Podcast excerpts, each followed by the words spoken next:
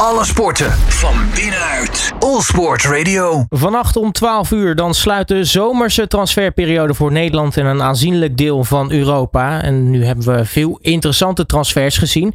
Maar zit er eigenlijk nog spektakel in de pijplijn voor deze laatste dag? Ja, wat waren de absolute hoogtepunten en van wie kunnen we veel gaan verwachten? We sluiten de deze transferperiode af zoals we hem ook zijn begonnen. Namelijk met Suleiman Osturk van Voetbal International. Suleiman, hele goede middag. Goedemiddag. Ja, dit zijn eh, voor jou ook uh, de, de dagen waarop uh, het werk wat je doet verandert in topsport. Uh, ja, dat kun je wel stellen. Ik ben inmiddels wel zeven koffie verder. Vanochtend om een uur of zeven begonnen. En ik denk dat ik vannacht om drie uur thuis ben. Dus dat, zijn, dat zijn lange dagen, ja. Ja, even voordat we het gaan hebben over de transferperiode. Wat, wat gaan jullie precies doen?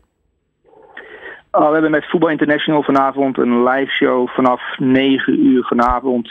En dan uh, ja, tot na middernacht. En dan wachten we de laatste transfers af. En die bespreken we dan. En uh, die analyseren we. En die zetten we direct in perspectief. Uh, dat soort zaken. En, en wat er allemaal bij komt kijken. En de clubpassers die bellen we in. Dus dat is, dat is erg leuk om te doen. Absoluut. En ook heel erg leuk om te kijken. Dus zeker ook gaan doen voor de mensen die luisteren. Um, ja, Suleiman, als jij nu terugkijkt op de afgelopen 2,5 maand. Hè, en, ja, wat, wat vond jij van deze transferperiode tot nu toe? Um, nou ja, je ziet dat het ook entertainment is geworden. Daar hebben we het uh, een paar weken geleden ook over gehad. En uh, zo'n laatste dag, dat is dan uh, ja, keer 10 of keer 100. En dan zie je ineens dat Bakayoko voor 40 miljoen euro naar de Premier League kan. En dat vinden we dan opeens ook allemaal gewoon een normaal bedrag. Ehm, terwijl zo'n jongen net uit jong PSV vandaan komt. En ja, wat ik daarvan vind, je ziet dat een aantal competities, Saudi-Arabië en Engeland voorop, bedragen kunnen bieden. Um, waar je even over moet nadenken. Goh, is dit, is dit normaal? Dat, dat is wat in het algemeen hoe ik, ernaar, ja, hoe ik er tegenaan kijk eigenlijk. Het, het, het, het wordt steeds gekker en ondertussen zie je in alle andere competities huurconstructies.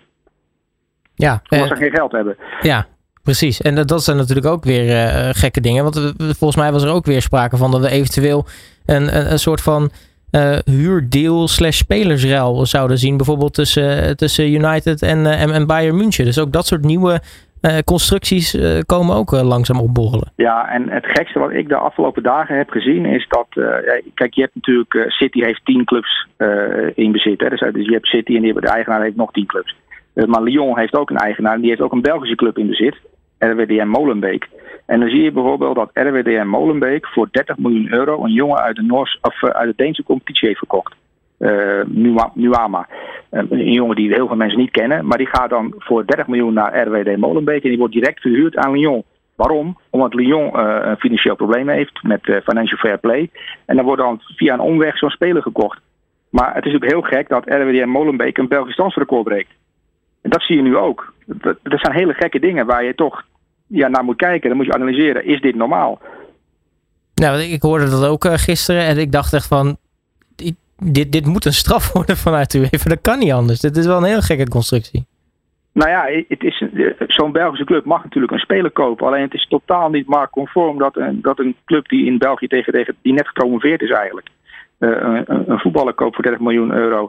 Maar niet omdat uh, RW de Molenbeek daar beter van wordt, maar omdat Lyon daar beter van wordt. Ja, het zijn, het zijn wel uitwassen. En ik zou dan wel snappen dat mensen denken van ja, dat internationale voetbal, uh, dat hoeft voor mij niet meer. Ik ga lekker bij mijn lokale club kijken. Ik, hier heb ik geen, geen zin meer in. Uh, maar ja, het gaat steeds meer over geld. En dat is ook in de transferperiode zo.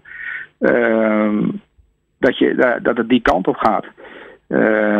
ja, als je ziet dat Vito van Krooi, die het bij Sparta goed doet, dan een bod krijgt uit Saudi-Arabië. Ja, als je dan in de wandelgang hoort wat hij daar net ook kan krijgen ja, dan begrijp ik wel dat zo'n jongen denkt, uh, de route, ik ga.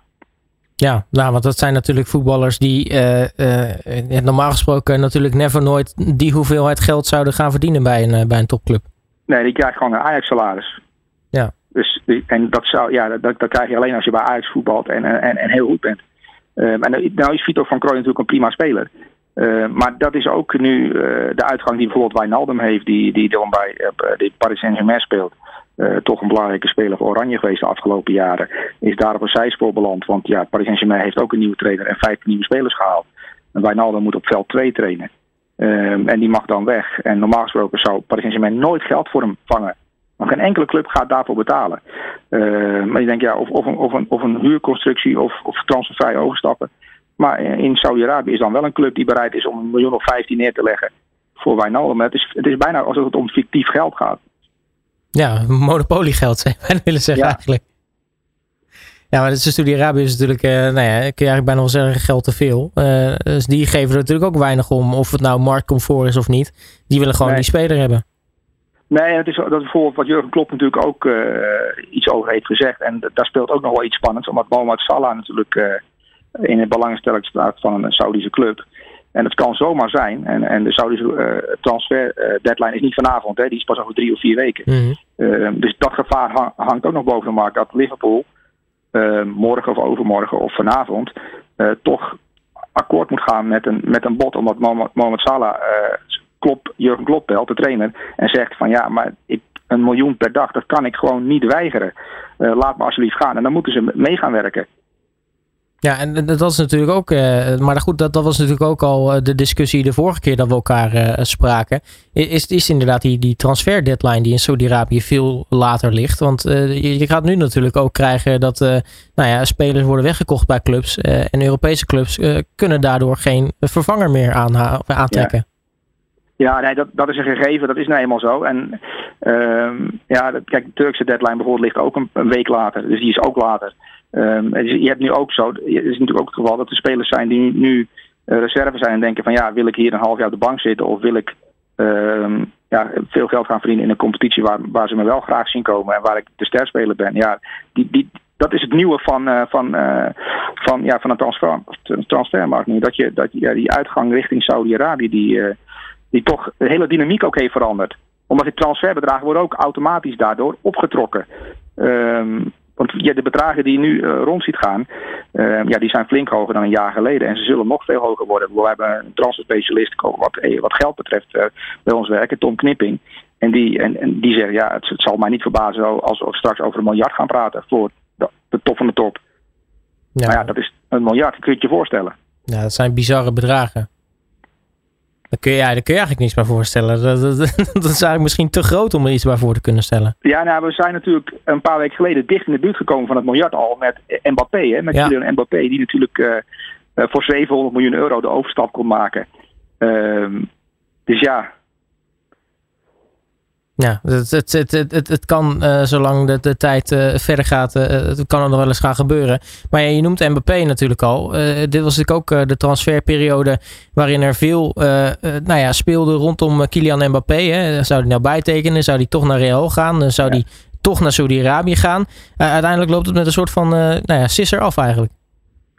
Ja er, is, er is veel gebeurd natuurlijk eh, op, achter de schermen bij eh, Paris Saint-Germain. Hij heeft eerst een paar weken niet mogen meetrainen. Hij is zelfs thuis gelaten hè, voor, voor, voor het oefenkamp in, eh, Mhm. in Japan. Ehm, en uiteindelijk zijn ze uh, nadat elkaar gekomen. Messi, is, Messi was natuurlijk al vertrokken. En Neymar is ook vertrokken. Dat was een hele grote wens van uh, Mbappé. En uh, ja, uiteindelijk wil hij toch graag voetballen.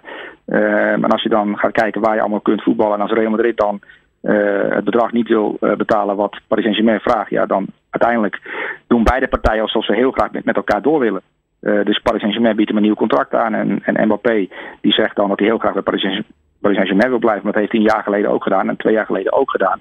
En, en begint straks uh, eind mei, begin juni gewoon helemaal weer opnieuw. Uh, en dan wordt er opnieuw onderhandeld of hij wel of niet blijft. En ik denk zelfs dat er nu wordt afgesproken dat hij dan volgend jaar tegen een bepaalde vergoeding weg mag. Uh, dus dat is dan op, op die manier opgelost, denk ik.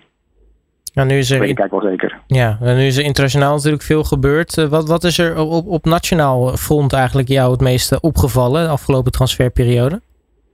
Uh, nou ja, er is natuurlijk bij Ajax behoorlijk wat onrust, omdat Sven Mislintat uh, ja, op zijn manier uh, spelers aan het scouten is. En ja, je zag het ook aan de reacties in Amsterdam natuurlijk tijdens de wedstrijd tegen Ludo. Waar zitten we naar te kijken?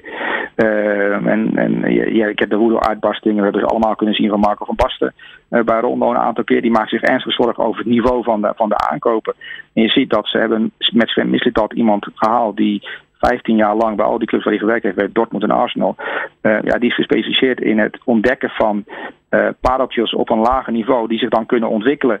Uh, en ondertussen moet Sven, of Sven Stijn, moet Stijn moet Stijn daar een, een, een, een, een ploeg van maken. En je ziet al dat daar scheurtjes aan het ontstaan zijn. Dat, dat Stijn zegt, ja, ik moet nog maar zien hoe goed die jongens zijn. Dat ik, ik, hoor uh, Jurgen Klopp of Pep Guardiola nooit over een speler zeggen die binnen is gekomen. We moeten nog maar zien hoe goed ze zijn.